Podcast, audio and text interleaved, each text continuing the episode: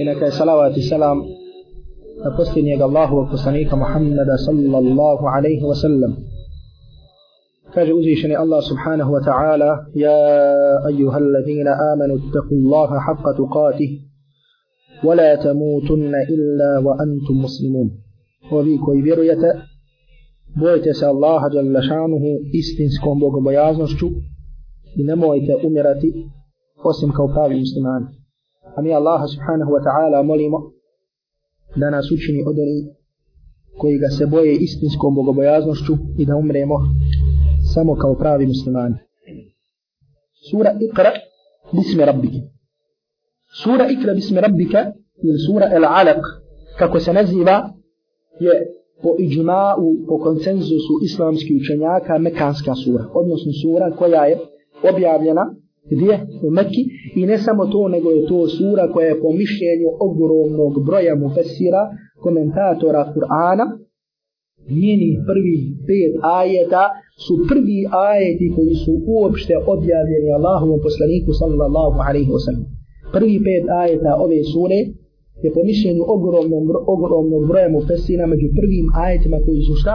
koji su objavljeni Allahovom poslaniku sallallahu alaihi wa sallam i to vidimo iz hadisa koji su zabilježni imam Buhari i muslim u svojim sahihima i imam Ahmed u svom musnedu da iše radijallahu ta'ala anha ovaj taj duži hadis ćete naći ovdje u kojima iša radijallahu ta'ala anha opisiva taj događaj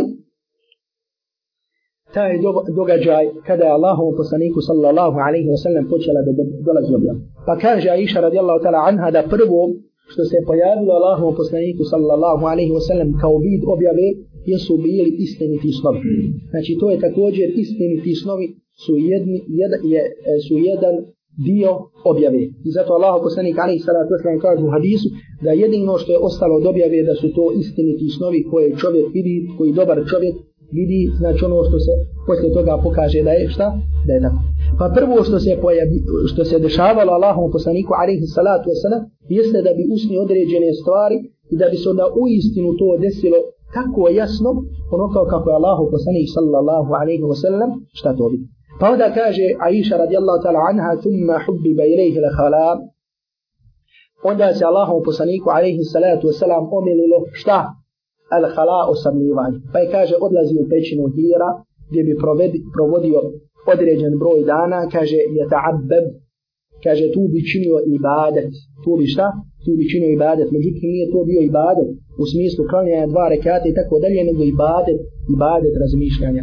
I Allahu poslanih sallallahu alaihi wa sallam razmišljao o tome o Allahu subhanahu wa ta'ala u stvarima koji radi stanovnici Mekke i tako dalje. I onda dolazi taj prvi trenutak, prvi kontakt Meleka Džibrila sa Allahovim poslanikom alaihi salatu wasalam, kada ga je zgrabio, pa kada ga je pustio, kada mu je rekao uči ikra, kad je rekao ja ne znam da učim, pa je tako ponovio tri puta, pa onda počeo da mu govori ikra bism rabbi kelladi halak, citirao mu je Melek Džibril, donio mu je prvi pet ajeta sure, koje sure ikra bism rabbi kelladi halak. Dobro, međutim ovaj događaj Ja ne bi želio, ne bi želio sada da se mi puno na njemu, na njemu ovaj, da na njemu ostane, ostanemo. Jer ovdje se onda dalje kaže da je poslanik Ali Israat ostane došao u kuću uplašen, da je rekao za miluni, za miluni, pokrite me. Da se je prepao za sebe šta se je desilo, pa je onda njegova žena Hatidja radijallahu ta'ala anha otišla kod Varaha ibn Naufala, kod svog Amidžića koji je bio čovjek koji je u džahilijetu, odnosno u arabskom pred islamskom dobu primio kršćanstvo. Znači bio je bolji nego na čemu su bili šta? Stanovnici Mekke. I on je znao te vijesti, te e, nagovještaje koji su govorili o poslaniku. Pa kada je ona njemu rekla šta se tačno desio, on je rekao da je to poslanik, znači koji je nagovješten i te vratu i u žilu. I ne samo to, nego je rekao, kaže, ja lejte mi kuntu džeda'an, kaže da Bog do sam mlad, da sam Bog do mlad, kaže da da pomogne, ili kaže da bude uz tebe kada te tvoj narod bude istirao. Pa kaže Allah, poslanik sallallahu alaihi wa sallam, afa muhriđihum, kaže pa zar će me istirat, pa mu da rekao nikada niko nije došao, sa nečim kao pa će se sama došao, a da ga njegov narod nije šta, da ga nije istirao. Dobro. Međutim, ovaj događaj ovdje. Znači, rekli smo, čitali smo ga sigurno u siri, možda u komentaru ove sure i tako dalje. Ja bih želio sada da ode malo na jedan poseban način pristupimo ovom događaju. Še, uh, poznati mufeser Sejde Kutbu Rahmetullahi Alehi, koji smo mi citirali, ima zaista tako lijep, tako nadahnut govor u svom tefsiru Zilal, i Zilal Al-Quran, okrenju Kur'ana, koji zaista jedno čudo, čudo, čudo kada ga čovjek čita. Kaže, Sejde Kutbu Rahmetullahi Alehi, ja ću ovdje samo spomenuti nekoliko tačaka što on rekao. Kaže, uh, Mi smo, kaže, ovaj događaj čitali u siri, čitali smo ga u tefsiru i tako dalje, međutim, kaže, nikako da čovjek zastane i da porazmisli ovom događaju. Kaže, ovaj događaj, znači dolazak meleka Džibrila Allahu poslaniku sallallahu alaihi wa sallam sa prvim ajetima objave. Kaže, innahu hadithun dahmun dahmun, kaže, dahmun jiddan dahmun ila gajri haddi. Kaže, to je tako velik, to je tako velik i ogroman događaj, kaže, da se to nikako ne može reći koliko je to velik događaj za čovjeka, šta on znači ne samo za čovjeka, nego za jedno čovječanstvo, da dolazi melek Džibril, melek ili poslanik od Allaha subhanahu wa ta'ala i da se preko svog poslanika Muhammada sallallahu alaihi wa sallam, šta? Da se obraća čitavom čovječanstvu. Onda dalje kaže Sejid Kut, rahmetullahi alaihi, kaže, hije a'azamu lahvatin, marrat bi hadihi l-ard fi tarihiha tabir. Kaže, ovo je najveći i najveličanstveniji događaj koji se ikako desio na ovoj zemlji od u njegu, kaže, u dugoj historiji ovog čovječanstva i ove zemlje. I onda kaže da u tim događaj, znači pazite kada, kada Melek Džibril dolazi Allahom poslaniku sallallahu alaihi wa sallam, kaže, lakad vulidal insanu min džadidin. Kaže, čovjek se, kaže, ponovo rodio. Čovjek se, pogledajte kako kaže, kaže, čovjek se ponovo rodio. Jer kaže tog trenutka čovjek se veže za svog gospodara subhanahu wa ta'ala. I kaže onda, kaže čovečanstvo počinje, normalno misli se oni koji hoće svoj šarija, odnosno svoj vjerozakon, ne grade više na nekim vjerozakonima, šta? Čiji su plod ljudskim umom, nego sada svoj vjerozakon grade na zakonu koji je propisao Allah subhanahu wa ta'ala. I zaista vreću da uzme svak od nas kao pojedinac da razmisli šta to znači za njega objava. Šta to znači za nas objava. Zamisle, za nije ponovno rođenje kada čovjek bude uđa, kada ne zna za Allaha subhanahu wa ta'ala, kada ne obavlja namaz, kada možda pije alkohol, kada možda radi mnoge harame. Za nije za njega veliki događaj kada dođe u kontakt sa Allahom djelašanuhu objavom. Kada dođe kada počne čitati i razmišljati o Allahom subhanahu wa ta'ala ajetima. U hadisima i hadisa Allahovog poslanika sallallahu alaihi wa sallam zaista je to nešto veliko za svakog od nas. Međutim, uvodi ovaj događaj, znači vezane kako za pojedince, isto tako za čitavo čovečanstvo. I zato zaista čovjek ovu suru, na primjer, i zato ko se kaže šeha Atija Salim, kada komentariše ovu suru, kaže koliko god govorili i tumačili suru i karabisim i rabike, kaže nećemo biti u stanju da joj damo njeno pravo. Jer šeha Kulislam ibn Taymiye, rahmetullahi alaihi, napisao 220 stranica komentarišući samo ovu suru. Šeheh Kulesan ibn Taymiye, rahmatullahi alaihi, je napisao preko 220 stranica u kojima je samo komentarisao ovu suru, odnosno suru El Alaq, suru Iqra bismi rabbike alladhi halaq. Dobro. Sada, znači prvo što se objavljiva Allahom poslaniku alaihi salatu wasalam i prvo što mu se govori jeste Iqra. Ja tako što se prevodi kod nas kao čitaj ili uči. Međutim, ona je qira'a, kada se kaže qira'a, to je el qira'a wal kitab, odnosno čitanje pisanje. Međutim, Allaho posanih sallallahu alaihi wa sallam, kao osoba koja je bio umni i nije znao ni čitat ni pisat, meleku Džibrilu negira i kaže ma ane bi qari, kaže ja ne mogu čitati. Međutim, treba da znamo, ovdje sad može da se postavi pitanje kako će Allaho posanih sallallahu alaihi wa sallam čitati, ako bi bukvalno prevali riječ ikra, Međutim, on nije znao šta, nije znao ni čitati ni pisati. Međutim, el kera'a može da u arapskom jeziku znači da bude čitanje šta? Da bude čitanje iz nečega što je napisano i da bude el kera'a to min naklubin, odnosno ponavljanje. Odnosno šta? Ponavljanje ili ono što mi kažemo sa usta na usta. Pa tako u ovom slučaju ovdje biva da se traže od Allahovog poslanika sallallahu alaihi wa sallam da ponavlja za Džibrilom alaihi salam sa one ajete sa kojima će on doći, zbog čega zato što Allahu poslanika alaihi salatu wasalam nije znao ni čitati pismo. Kao što kaže Allah subhanahu wa ta'ala u suri Al-Ankabut, وَمَا كُنْتَ تَتْلُ مِنْ قَبْلِهِ مِنْ كِتَابٍ وَلَا تَخُتُّهُ بِيَمِينِكِ Kaže ti prije ovoga, šta? Nisi, kaže, znao čitati knjigu, niti pisati sa svojom desnicom. I onda nam pojašnjava Allah subhanahu wa ta'ala mudrost toga da Allahu poslanik alaihi salatu wasalam bio onaj koji nije znao ni čitati ni pisati. Pa kaže, i za lartabel mubtilin. Kaže, tada da si ti znao čitati i pisati, kaže, onda bi oni posumljali. Onda bi oni šta? Posumljali. Jer Allah subhanahu wa ta'ala šalje poslanika koji ne zna ni čitati, ne zna ni pisati. Ne samo to, nego ne zna ni ši'ar, ne zna ni arapsku poeziju. Po kojima su se Arapi ponosili i koji je bio vrhunac kod Arapa, to je bila šta njihova poezija i tako dalje. Koja je osnova za arapski jezik. Međutim, Allah kao što kaže Allah za lašanuhu u suri Jasin, وَمَا عَلَّمْنَاهُ شِعَرَ وَمَا إِنْبَغِيلَ Kaže, mi ga nismo podučili šiaru, mi ga nismo podučili pjesništu i to njemu ne treba. Zbog čega? Zato što onda, kada bi došao Allahu poslanik sallallahu alaihi wa sallam, kada dođe kao što je došao sa ajetima kuranskim, onda bi oni rekli šta?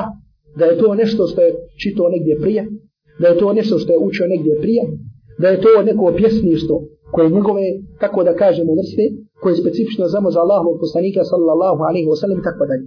Iako su, kao što smo govorili, Arabi su, a, mušnici Mekije su upućivali Allahovom poslaniku, sallallahu alaihi wa sallam, tako da kažemo te a, potvore na njega i govorili smo, لقد نعلم أنهم يقولون إنما يعلمه بشر الله جل شأنه كذا من زنام ودعوني قوري نيجا بدوك هذا Oni su govorili da je neki trgovac koji je došao u Mekku, koji je poznavao uh, e, felsefe junani, odnosno grčku filozofiju, da podučaje Allahovo poslanike sallallahu alaihi wa sallam.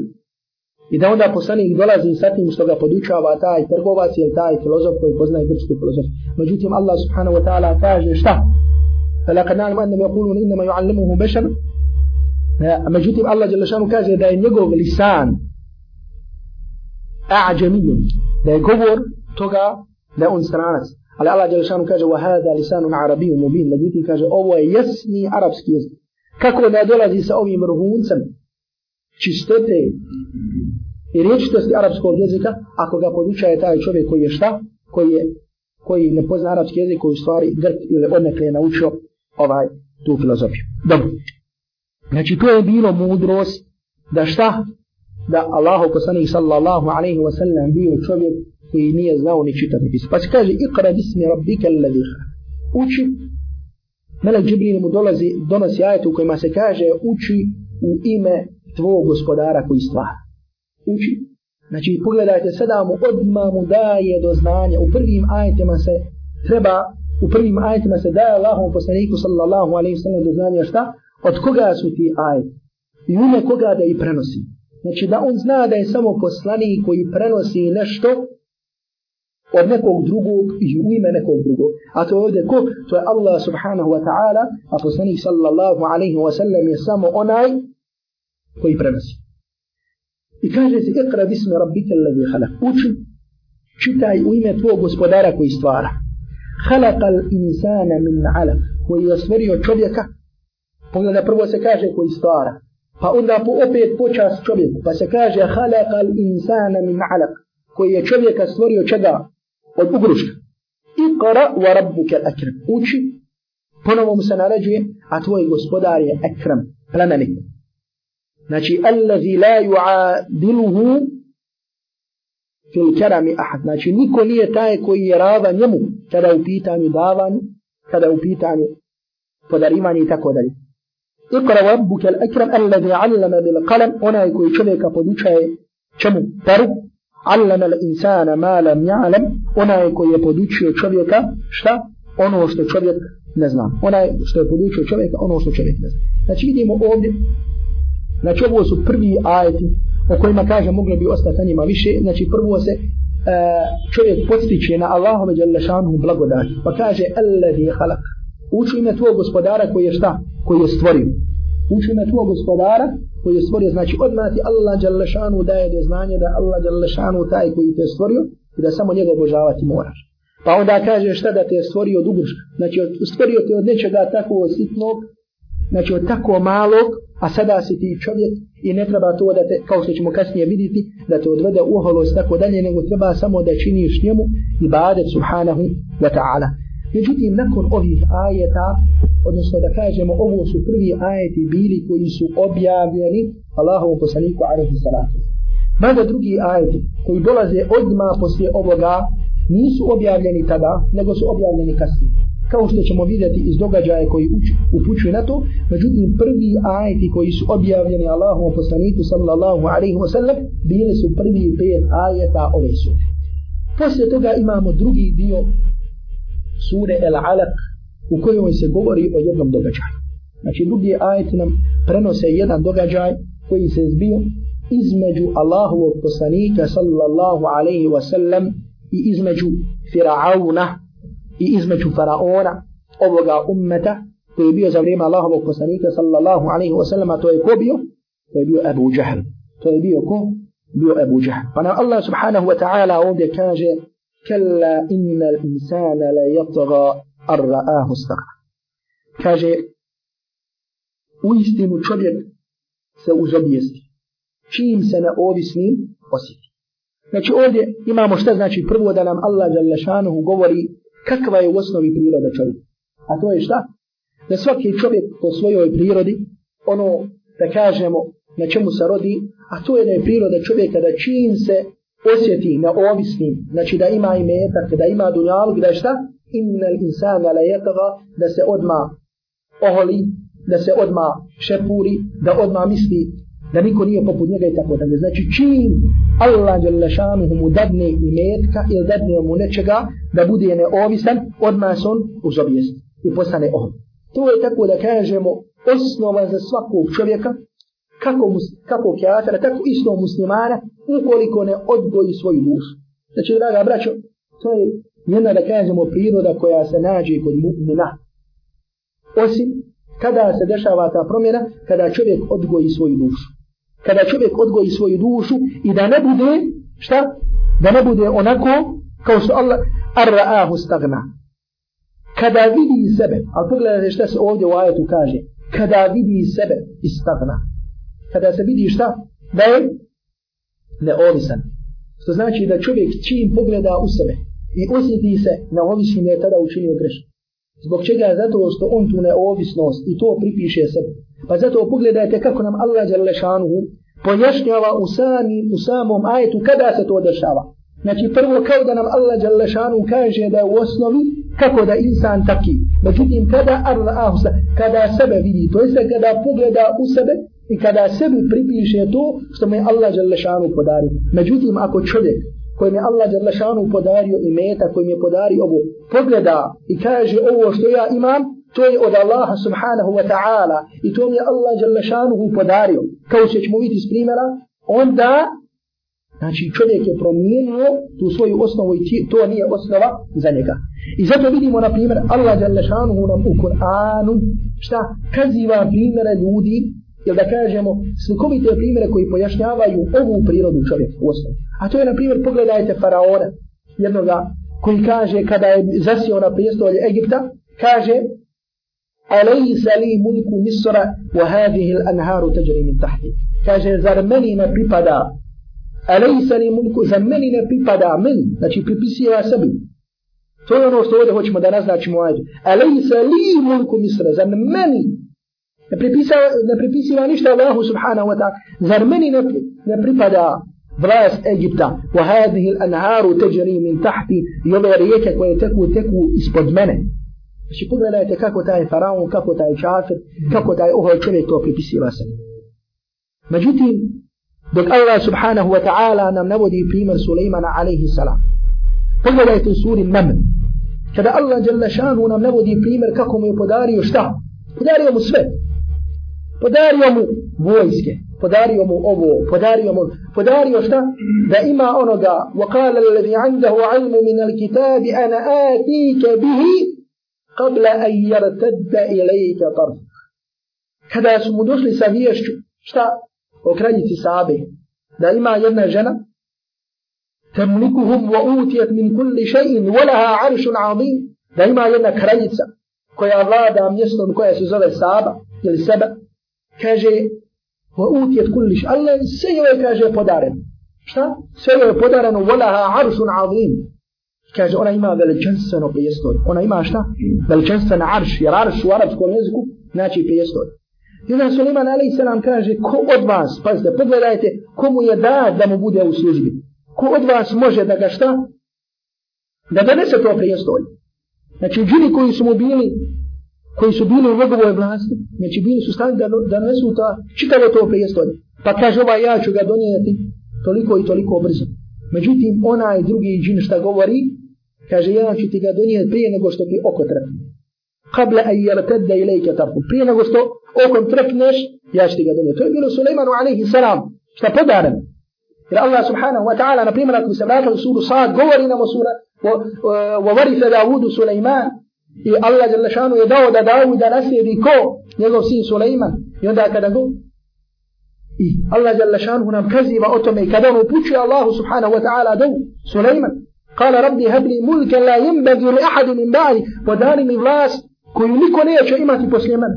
I Allah je lešanu mu je podario lehu لَهُ الرِّيحَ bi amrihi رُخَاءً حَيْثُ أَصَابُ I podari mu vjetar. وَالشَّيَاطِينَ كُلَّ wa وَغَوَّاسِ I kaže šeitani koji su šta? U kojima je Allah jala šanu kazi. Wa aharine mukarranine, hada ata'una, tamlun, evo vam se, gurnje mu Suleman alaihi sallam. Međutim šta? Ovdje hoćemo da kažemo da istaknemo. Suleman alaihi sallam kada mu dolazi, kada mu se dolazi sa prijestovanjem, šta kaže? Hada min fadli rabbi li jebluvani a ashkuru am akfar.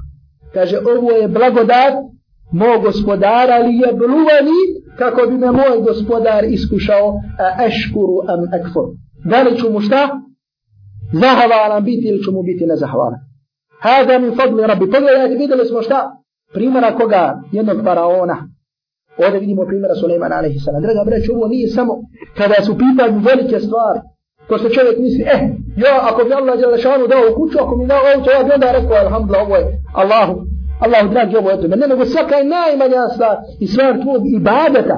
Kada učiniš dva, kada klanjaš Allahu subhanahu wa ta'ala dva rekiata, ili kada proučiš i kada rekneš pa makar subhanallah, ili alhamdulillah i Allahu akbar, ne smije to da pripišeš sebi. Ne smije to da pripišeš sebi. Nego treba da zahvališ Allahu jala šanu što ti je to podaje. E tada kada to, kada čovjek tako svoju dušu slomije, onda se dešava šta?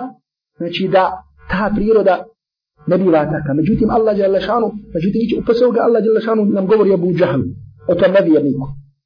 I vidjet ćemo sve radi Allahom poslaniku, alaihi salatu osam. Ali kao uvod za ovo kazivanje, i za kazivanje Abu Džahlu, Allah je lešanu nam dolazi sa ovom osnovom, jer kao što kaže na broj mu fesira, kao što je šeh, e, šeh Ebu Bekr, al-đezairi, u svom tefsiru, kaže ovo je osnova za svakog čovjeka osim onoga koji odgoji i koji pre, preispita svoju dušu. Inna l'insana la yatoga arla ahustana. Zaista je čovjek šta ohol la yatoga čini nepravdu arla ahustana kada se osjeti da se šta? Kada se osjeti na Međutim, to je osnova. Ali u samom ajetu smo rekli šta? Da je ukazano kada se to dešava. Arra ahu, kada vidi sebe. Znači, kada pogleda u sebi, kaže, eh, to je od mene. Videli smo primjera prim faraona i primjera koga? Primjera Sulejmana. Šta znači pripisa, pripisivanje sebi, a šta znači pripisivanje Allahu subhanahu wa ta'ala kada su pitanju koje god blagodati. I zamislite ovo. I zato, draga braću, čovjek treba da bude zahvalan na svemu onome što mu Allah subhanahu wa ta'ala šta podaje. To je osnova koju svak od nas treba da zna. Da svak treba da bude zadovoljan na onome što mi Allah će nešanu podari. To ko, ko što kaže Allah subhanahu wa ta'ala, وَلَوْ بَسَتَ اللَّهُ الرِّزَقَ لِعِبَادِهِ لَبَغَوْ فِي الْأَرْضِ وَلَكِنْ يُنَزِّلُ بِقَدَرٍ مَا يَشَا Kaže, kada bi Allah jalla šanuhu, وَلَوْ بَسَتَ اللَّهُ الرِّزَقَ Kaže, kada bi Allah dao da se njegov rizk otvori, da tako, kada bi pružio svoj rizk, kada bi otvorio, da se uzima koliko hoće, لَبَغَوْ فِي الْأَرْضِ Kaže, oni bi tada šta? Činili nepravdu po zemlji. ولكن ينزل بقدر ما يشاء نك اون سبوس لاونكو كوكو كومي بوتريب اذا تو الله جل شانه سكو ميدا ونريكو كوكو مي بوتريب jer možda da je dao, da mu je dao šta? Da bude bogatiji, možda bi ga to odvalo od Allahu od Jalešanu u put. Da je dao, da bude siromašti, možda bi ga to uništo. Nego Allah Jalešanu da svakome koliko mu je potrem i zato čovjek treba da bude Allahu subhanahu wa ta'ala zahvalan, zadovoljan prije svega na onome što mu Allah djela šanu dao, a zatim to sve vidi kod sebe, pa makar bilo malo. A ne može to da bude malo, jer samo čovjek kada pogleda u svoje zdravlje, to je veliko, da to sve šta? Pripiše Allahu subhanahu wa ta'ala. Dobro. Zatim, onda nas Allah djela šanu ponovo upozorava na ovu osnovu sa još jednim ajatom i kaže inna ila rabbika ruđaha. Jer kaže zaista tvom gospodaru i vraćaj. To jeste zaista će se šta? Svak vratiti da smo da držimo ovdje ovoga. Te ovdje, a gospodaru tome će se doista si vrati. To jest mu pripada ruđa, odnosno povratak. Svi će se vrati Allahu subhanahu wa ta'ala, pa ćete Allah žele šanu upitati zašto si ovo radio, kako si ovo radi, tako dalje, što znači da nimalo ne treba ovaj dunjalog da prevari čovjek. I onda nam Allah žele šanu ovdje govori o jednom kazivanju, a to je bio, bilo kazivanje kada je Ebu Džehl kada je došao i kada je rekao da će ako vidi poslanika sallallahu alaihi wa sallam da će mu stati svojim stopalom na vrat. Znači ako vidi Allahu poslanika sallallahu alaihi wa sallam da klanja da pada Allahu djelašanu na seđdu da će mu staviti da će mu stati nogama, da će mu stati stopalama na vrat pa se onda ovdje desio desila jedna muadžiza koja Allah subhanahu wa ta'ala dao svom poslaniku sallallahu alaihi wa sallam ali nakon da kažemo manje pauze ćemo nastaviti sa tumačenjem ove sure danas ćemo kako da večera ćemo uzeti dva ovaj dva časa iz tefsira jer malo smo da zaspori za razgovor fika sa tefsirom pa da inshallah i ta'ala ovaj budemo nekako ramani أقول قولي هذا واستغفر الله الرحيم الحمد لله رب العالمين والصلاة والسلام على رسول الله وعلى آله وأصحابه وسلم Zahvala pripada Allahu jer lešanuhu, neka je salavat i salav na posljednje od Allahu poslanika Muhammeda sallallahu alaihi wa sallam. Samo prije nego što pređemo na ovaj događaj sa Abu Džehlom, samo ukratko da pročitamo riječi Ibn Kesira, vezano za ove zadnje ajete koje smo protumačili. Uzvišeni sa občava da je čovjek, kada vidi da se obogatio, obijestan.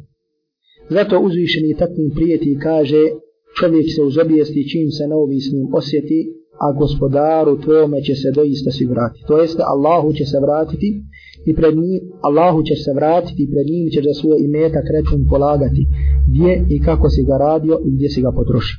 Ovo je kao što je došlo u hadisu, Abdullah ibn Mas'ud je zabilježio da imam termizi u svom sunanu, da kaže Allahu poslanih sallallahu alaihi wa sallam, لا تزول قدم ابن آدم يوم القيامة من عند ربه عز وجل حتى يسأل عن خمس da se neće pomaknuti stopalo sina Adamovog na sunjem danu sve dok ne bude upitan za pet stvari an umrihi wa fima afna wa an shababihi wa fima bla wa an malihi min ajna iktasabahu wa fima anfaqahu wa an ilmin fima amila bihi prvo o svom životu i kako ga je proživio drugo o svojoj mladosti i u što je potrošio treće o svom imetku kako ga je zaradio, četvrto o imetku kako ga je potrošio i pet o čemu? O svom znanju i da li je radio po njemu. U jednom hadisu, dalje kaže nam Ibn Kesir, u jednom hadisu koji se prenosi od Allahovog poslanika sallallahu alaihi wa sallam stoji, dvojica su nezasitiva. Onaj koji traži znanje i onaj koji traži dunjalu. Znači ovaj nam, sada sa ovim ajetom nam Ibn Kesir rahmetullahi alaihi e, pojašnjava onu činjenicu koju smo spomenuli, koju smo rekli da je spomenuta u ajetu, a da to čovjek šta? Znači, dunja, dunja, dunja, da je dunja taj koji ga šta? Kvari, zato se kaže men humani la ješbi'ani talibu ilmin wa talibu dunja. Ovaj hadis je zabilio žima bezzar u svom musnadu od Abdullah ibn Abbas radijallahu ta'ala anhu i šeha Albani rahmatullahi alaihi kaže za ovaj hadis da je jer odostan šeha Albani u sahihu džami sagir kaže za ovaj hadis da je sahih, da je vjerodostup. Dobro. Rekli smo, poslije toga imamo šta znači ovo kazivanje sa Ebu Džahlom.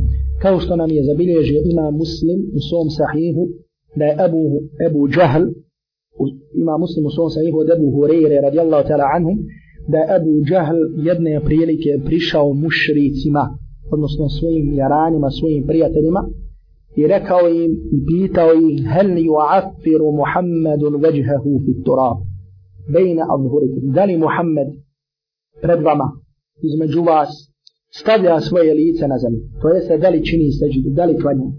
Da li ga vi vidite kada klanja? Pa oni su rekli, nam, mi ga vidimo kada klanja. Pa je onda Ebu Čehl se zakleo i rekao, valeti vel uzza, i tako mi lata, i tako mi uzza. Lau ra'aytuhu yaf'alu dhalika la'ati anna ala raqabatihi. Kaže, tako mi lata i tako mi uzata, kada bi ja vidio Muhammeda da to radi, kaže, ja bi mu svojim nogama stao ala rakabatihi na njegov vrat.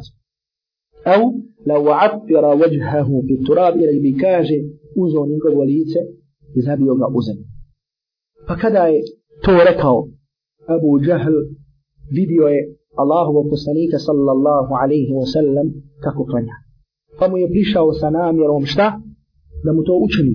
Ono što mu je rekao, prišao je Ebu Džahl poslaniku sallallahu alaihi wa sallam sa namirom da mu stavi kada bude na seđini da mu nogama stane na njegov rad, tak tako ponizi Allahu wa poslanika sallallahu alaihi wa sallam.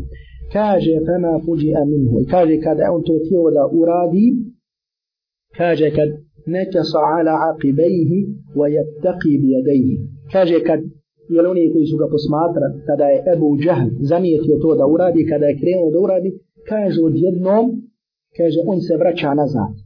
Odjednom Ebu Džahl šta? Znači ne, ne da, se, da se okrenuo, da okrenuo leđa Allahu posaniku sallallahu alaihi wasallam, nego ide unazad. Kaže ovo je taki bi bjedeji i kaže brani se sa svojim rukama. Znači svoje ruke dvije stavio ispred sebe kao da se brani, kao da se štiti od nečega. Međutim, normalno, oni koji su to bili, koji su to posmatrali, oni su šta? Oni nisu to ništa vidjeli. Pa kada su ga upitali, fema baluke, šta ti je šta to radiš? Kaže, šta ti je zbog čega to činiš? Kaže, kada mu sam mu se približ, približio, kaže, rej, vidio sam hendakan. Kaže, vidio sam jedan veliki rov ispred sebe to jeste bejni wa bejnehu lehendakan. Vidio sam iz, između mene i njega mi se ukazao veliki rob. Wa haulan i kaže užasan prizor. Kaže wa ajnihatan i kaže vidio sam ogromna krila pred sobom. Pa ko je došlo? U rivajetu muslima vidio sam velika krila. Pa Allahu posani sallallahu alaihi wa sallam kaže kaže lau dana minni lehtatafethu il malaikatu udvan udvan kaže da mi se primakao kada je zanijetio to, kaže, meleci bi ga, meleci bi ga, kaže, raskomadali. Kada raskomadali mu odvan, odvan, sve bi mu kidali komad po komad. Znači, šta da je tu Abu Džehl prišao, međutim, Allah Đelešanu je dao da mu se to ukazalo, tako da nije bio u stanju da priđe Allahovom poslaniku, sallallahu alaihi wa sallam. Međutim, ovdje je tijelo da učini šta? Da spriječi Allahovog poslanika, sallallahu alaihi wa sallam, da obavi namaz. I ovaj hadis je da bilježi ima muslim, u svom sajihu, iako ga također ga prenosi imam Buharija u svom sajihu, međutim kratko, puno kraća verzija nego ove od, en, od Ibn Abbasa radijallahu ta'ala anhu. I onda nakon ovog događaja Allah subhanahu wa ta'ala objavljiva ajeta u kojima se kaže a ra'ajta alladhi yanha 'abadan idha salla kaže pa jesi li ti vidio onoga koji brani koji spriječava šta spriječava roba kada klanja, spriječava roba da namaz obavi. Ara'ayta in kana 'ala al-huda aw amara bit-taqwa. Kaže ara'ayta in kana 'ala al-huda šta misliš ako je on na pravom putu? Aw amara bit-taqwa. Ili naređiva šta? Bogobojaznost. Ara'ayta in kazzaba wa tawalla alam ya'lam bi anna Allah yara. Pa šta misliš jesi li ga vidio ako poriče i ako se okrene, zar on ne zna da Allah je lešanu sve? Ovdje u kome je riječ? Kome se sada obraća? Ovi ajeti su ovdje, sad prvo se znači kaže, jesi li vidio onoga koji sprečava roba šta?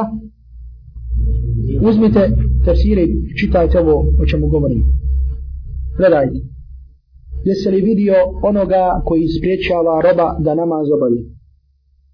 Ovdje se misli na koga, ko je taj koji sprečava, Abu Džahl. Međutim, onaj koji hoće da namaz obavi je ko? Poslani sallallahu alaihi wa sallam. Međutim, dalje Allah subhanahu wa ta'ala kaže šta? A ra'ajte in kana ala l-huda, au anara bit taqwa. Kaže šta misliš ti? Ako je on na uputi ili naređiva bogobojaznost, A ra'ajte in kadzaba wa tawalla. Šta misliš ako on poriče i ako se okreće? alam ja'lam bi anna Allaha yara zaron ne zna da Allah sve vidi. Kome je sada ovdje obraćan? Ovdje, ako bi otvorili prijevod od rahmetli korkuta i ako bi počitali, vidjeli bi šta? Vidjeli bi onoga koji brani robu da molitu obavi. Reci mi ako on misli da je na pravom putu ili ako traži da se kumirima moli. Reci mi ako on poreće i glavu okreće, zar on ne zna da Allah se vidi?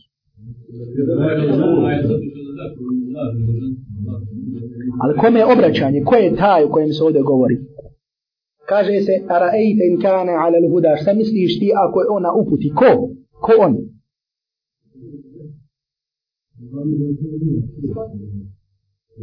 Ovdje. Ara'ejte in kane ala l'huda, šta misliš ti ako je na uputi? Ko na uputi? ili Ebu Džahl.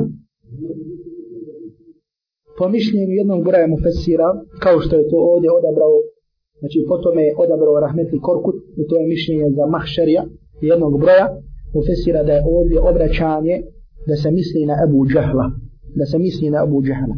I da sada dolazi jedno pitanje, znači da se postavlja pitanje za njegov hal, za njegov stan. A ra'ejte in kana ala l'huda. Šta misliš ti ako je ona uputi? Ko? Ebu Džahan. Šta misliš ako je ona u puti Ili je možda, šta? Ili možda ona nije, možda nije na uputi. Šta misliš ako je na uputi?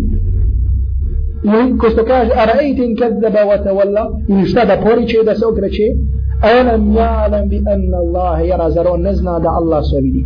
To jeste za taj Abu Džahl koji to čini. Zar on ne zna da Allah jalla šanuhu vidi u kakvom god stanju da on bio. Pa taman da on bio na uputi i da naređiva šta, ovo, ili ako, ili pa, ako se okrene. Allah Đalešanu je taj koji njega vidi i vidio je šta je uradio sa njegovim poslanikom sallallahu alaihi wa sallam. Znači ovdje obraćanje, odnosno ne obraćanje, ni obraćanje ovdje Ebu Džahlu, nego se odnosi Znači, ajti govore o Ebu Džahlu. Znači, ara, ej, da šta misliš ti Može da bude obraćanje poslaniku, a može da bude obraćanje svakog od nas. Da bude i pred za svakoga. Jer jedno veliko pravilo je u tefsiru, koje ne znam jesmo li komentari, komentarisali na ovim versovima, ala ibratu bi umumi lafdi la bi hususi sebe. U, u obzir ili u ibrat se uzima općenitost, općenitost riječi, a ne specifičnost događaja. Ovdje je ovo objavljeno šta? Povodom Ebu Džahla. Međutim, ajet se odnosi na svakoga koji tako postupi prema poslaniku sallallahu alaihi sallam ili prema nekom drugom tako da kažemo koje šta na uputi, koje na sunnetu ili ko se bori protiv istine i tako dalje. Međutim ovdje znači jedno pitanje za koje se odnosi na samom Ebu koga džehla. A raeite in kana ala l-huda au amara bit taqwa a raeite in kad, kad zabavate vala. Znači kao da se hoće da se kaže pa on i da je na uputi ili da je na zabludi, pa Allah je lešanu šta, to vidi šta on radi. Znači, kako god da se nađe stan, Allah je lešanu vidi šta je uradio i shodno toga će ga nagraditi ili kazniti, ali ovdje se govori, znači, hoće se kazna zato što je ovdje buđan, uradio šta je uradio. Dobro. Drugi broj mu fesira, i to je broj mišljenja velikog broja mu fesira, Te se kaže da se ovdje prvo odnosi na poslanika sallallahu alaihi wa sallam. A ra'ajte in kana, kao da se obraća sada kome? Ebu Džahlu. Sada se njemu obraća. I kaže mu se, a ra'ajte in kana ala l'huda, au amara bit takva. Kaže, pa šta misliš ti, ako je ona uputi? To je tako poslanik. A u amara bit takva, i kaže, naređiva šta? Bogobojaznost. Šta misliš ti, ako je na svemu tome? Ako je na istini od svog gospodara, subhanahu wa ta'ala, a ti činiš sa, sa njim to što činiš, pa šta misliš onda šta će biti tvoj, šta? Ishod. Znači kao da kaže Abu Džahna, pa šta ti misliš, to što si uradio? Došao ti je taj poslanik sa dokazima, pozivati, dolaziti sa jasnim ajetima Allahove Đalešanu u knjige. I ti se okrećeš od toga i činiš mu to što čini. Pa razmisli malo i šta misliš ti, ako on možda na uputi, pa šta je to sve što tebe čeka? Ali onda arajte in kezdebe wa tevalla, sada se onda dolazi tako da kažem do jednog pokretanja, pa se onda obraća poslaniku sallallahu alaihi wa sallam. Arajte in kezdebe wa tevalla. Pa se obraća poslaniku i kaže se za Ebu Džala. I obraća se poslaniku vezano za Ebu Džala i kaže mu Arajte in kezdebe wa tevalla. Pa šta misliš ti ako on poriče i ako se okreće, pa zar on ne zna da Allah žele šanu se tobi. To jeste nakon što je uradio to sa tobom, Allahov poslaniće i on se okrenuo, ali Allah žele šanu vidi šta je šta, šta je on uradio sa tobom. Znači ovdje vidimo, ovdje imamo dva pristupa od strane mufesira, ovim ajetima i shvatanjima i na, kogo, na koga se odnosi ovdje, jer su ovdje spomenute zamjenice, nisu spomenuta imena, na koga se odnosi. Ako bi se vratili šta? Ako bi se vratili na, na prevod rahmetli Korkuta koji se temelio svoj prevod na tefsiru za mahšerja, vidjeli bi šta da se odnosi, da se ovdje govori o kome o Ebu Džehlu. Međutim, ako bi došli na tefsir ibn Kesira, vidjeli bi nešto sasvim drugo, a to je da se odnosi, da je ovdje govor o Allahom poslaniku sallallahu alaihi wasallam. Alam ja'alam bi anna Allahe jara, zar on ne zna da Allah djelešanuhu sve vidi. Pa onda Allah jalla šanu se obraća ponovo ovome Ebu Džehalu i kaže Kalla la illan jantahi la nasfa'an bin nasija Kaže to nije tako Kalla kaže ako se on ne okani toga šta? La nasfa'an bin nasija Ovde ne kaže uze la nas, e, dobro sad ne tumačimo ovde finesa u arabskom jeziku ovde to jest ako se ne, okra, ne okani onda mu dolazi jedan jak udarac, odnosno onda dolazi jedno jako uzimanje njega. Jer ovdje le nesfa'a i nesfa' u arabskom jeziku znači al ahzu ili al jazbu bi šidde. Jedno, i kad nekoga jako zgrabiš, onda se koristi ova izraz le nesfa'am bi nasije, kaže onda bi ga uzeli za njegovu nasiju. Šta je nasija ko zna? Nas je prednji dio glave, to smo spominjali kada, kada smo govorili o propisima abdesta i da je Allah poslanik, ko što je došlo hadisu mu gire mi šobe, u amesaha, ala nas i jetih i da je Allah poslanik potrao prvi dio glave, to se odnosi i nas. To jeste mi bi ga zgrabili za njegov šta? Kako se ovdje prevodi? Mi bi ga zgrabili za kiku. Ovdje se kaže za ili ga zrabile za kiku. Kiku lažnu nasijetin kazibatin hati, koja je lažna, koja je griješna. Kaže se onda fel jedu na nijahu. Neka on pozove svoje društvo. Se ne da'u zabanija, mi ćemo pozvati zabanije. Mi ćemo pozvati zabanije. Pa sad ćemo vidjeti. Dobro, ali mi da ne prekida malo. Ovdje sada dolazimo do ponovo objave, tako da kažem do povoda objave koji nam se spominje u hadisu. Pa nam je tako zabilježio imam Tirmizi u svom sunenu, također verziju za ovaj događaj u kojima se kaže da je Ebu Džahl vidio Allahovog poslanika sallallahu alaihi wa sallam da šta? Da obavlja namaz. Pa mi Ebu Džahl prišao i rekao mu, pošto u revajetu Tirmizija tri puta mu ponovio, rekao mu, alam anheke an hada, alam anhaka an hada, alam anhaka an hada. Zar ti nisam zabranio da ovo činiš, zar ti nisam zabranio da ovo činiš, zar ti nisam zabranio da ovo činiš. Misli se šta? Misli se na namaz. Kaže tam sarafan nabiju sallallahu alaihi wa sallam fa zabara. Pa se Allahu posanik sallallahu alaihi wa sallam okrenuo, pa ga kaže na grdiju. To jeste obratio mu se sa jednom žestimom.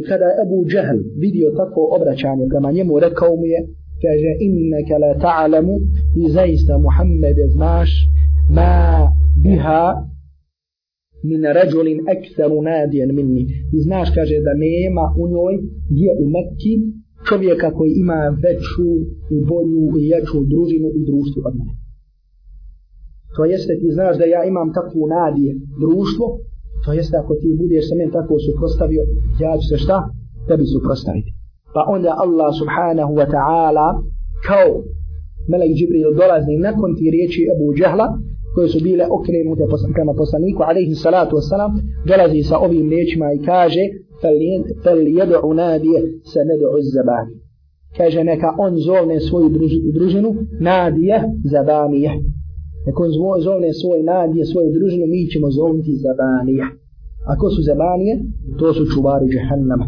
to su meleci koji su čuvari jahannama. Pogledajte ovdje, također vidjeli smo u suri od duha kako Allah subhanahu wa ta'ala brani i štiti svog poslanika. Vidjeli smo kako kada ona žena, je tako kada obraća se poslaniku sallallahu alaihi wa sallam sa riječima inni arđu a jakune šeitanu ke kataratak. Ja se nadam da te umislim da te tvoj šeitan ostavio, to jeste zato što poslaniku sallallahu alaihi wa sallam nije dolazila objava, Allah subhanahu wa ta'ala objavljiva šta? Suru wa duha. Pa pogledajte ličnost Allahu poslanika alaihi salatu wasalam u suri alam nešarah leke sadr. Koja ka, rekli smo šta? Kao da upotpunije suru wa duha. Pa pogledajte poslanika alaihi salatu wasalam u suru latin. I pogledajte ovdje. Znači kada je ona žena rekla šta?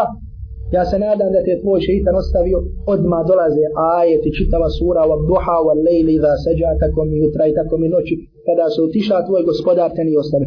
Ovdje kada Ebu Džahl dolazi i govori Allahovu poslaniku sallallahu alaihi wa sallam da on čovjek koji je najjači u Mekki i da će on zovom svoju nadiju. Allahov poslanik alaihi salatu wa sallam ništa mu ne odgovara. Zato što zna da je sva moć kod Allaha žalla šanu i a da Allah ukavlja onako kako hoće. Pa mu dolazi Melaj Džibril koji kaže neka on zove svoju družinu a mi ćemo zovuti družinu koja će biti tvoja družina koja će tebe zaštititi. A ko su ovde? To su meleci. I neobični meleci, nego malaikatul azab, to su meleci patnije, odnosno oni koji su zaduženi za patnje u džahannu. I onda dalje, nakon ovoga, se obraća Allahomu poslaniku, alaihi salatu wasalam, i kaže se, kalla, la tuti'ahu vasjud vaktarib.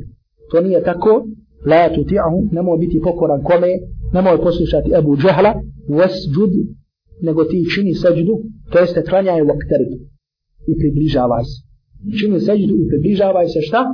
Kroz seđdu se približavaj svom gospodaru subhanahu wa ta'ala. Kroz seđdu se približavaj svom gospodaru subhanahu wa ta'ala kao što je došlo u hadisu muslima da je čovjek šta?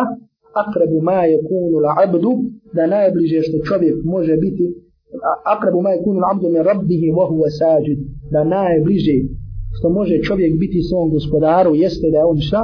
Da on nasađi. Da on nasađi. Znači to je na dunjaru u trenutak i to je mjesto i to je vrijeme kada čovjek ovo sičusno stvorenje najviše i najbliže može da bude svom gospodaru subhanahu wa ta'ala. Zato neka šta?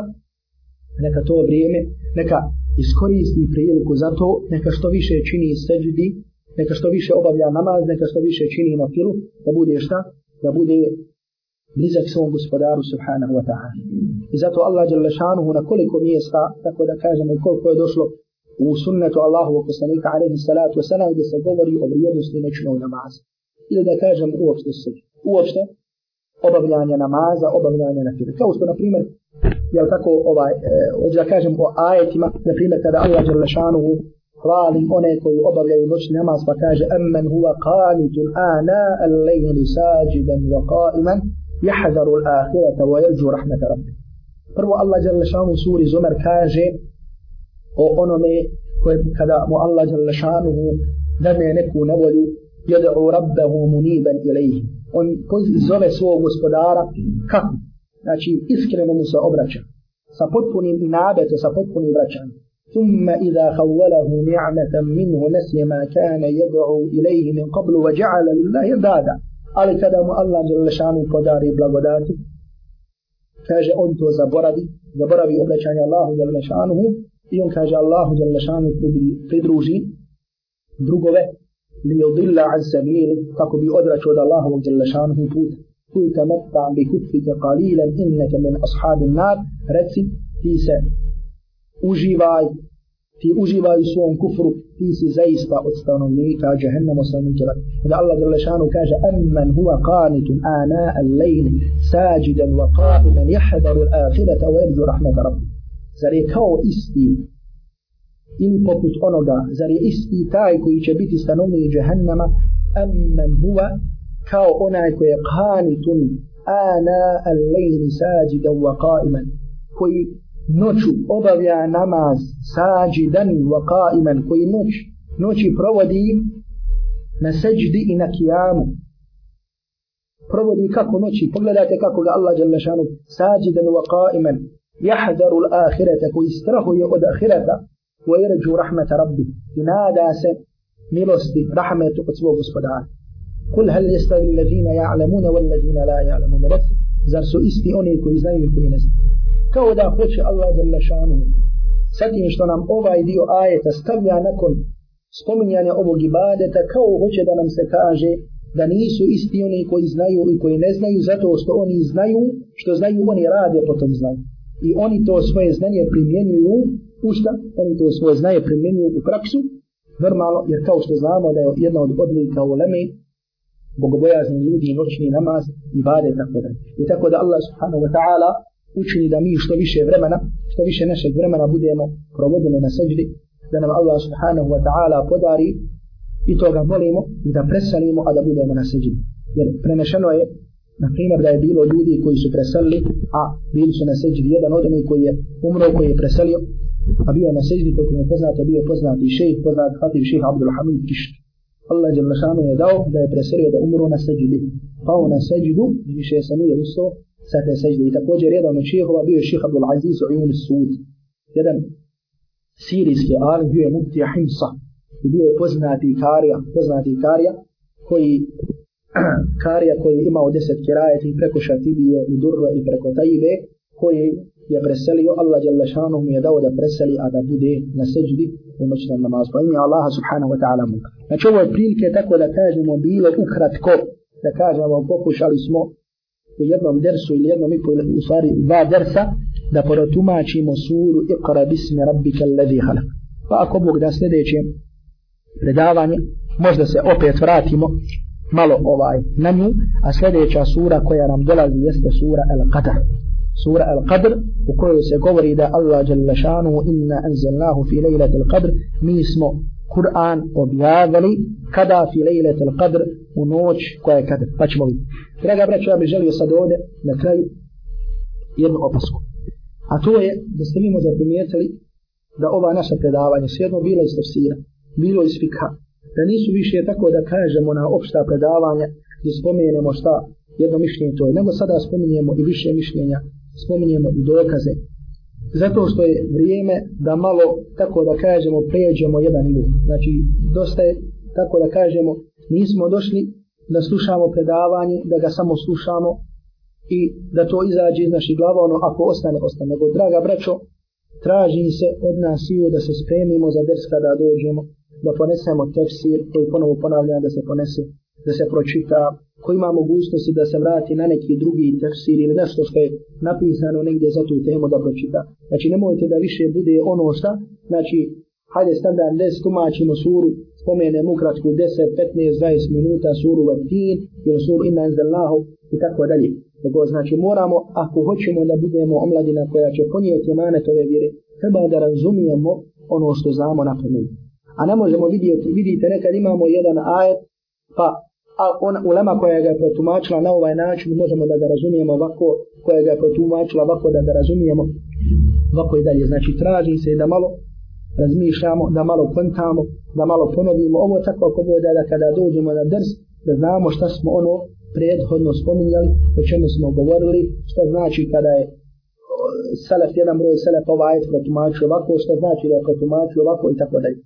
Mi dok smo, jel tako ovaj, na primjer kada smo na fakultetima, ali predavanje stefsira i tako dalje. Znači, mi smo rekli da je ovo osnova, znači da je osnova za svakoga da ima šta, da ima ovaj tefsir koji smo kopirali. Mada svaka stvar koja je korisna, može da se zabilježi i da se zapiše. Na primjer, ovdje većina, većina hadisa nije spomenuta koji bilježi, koji prenosi ili njihova vjerodostojnost. Pa mi to ovdje potrudimo se da spomenemo koga je zabilježio, koga je primio, pa i vi nemojte da vam bude teško da zabilježite uz hadis samo da kažemo da je sahi ili da je daji, pa da ne kažemo neka druga stvar. Jer ako hoćemo znanje, onda moramo da se malo više potrudimo da vas Allah subhanahu wa ta'ala nagrad. Akulu qavli hada wa astagfiru Allah li wa lakum.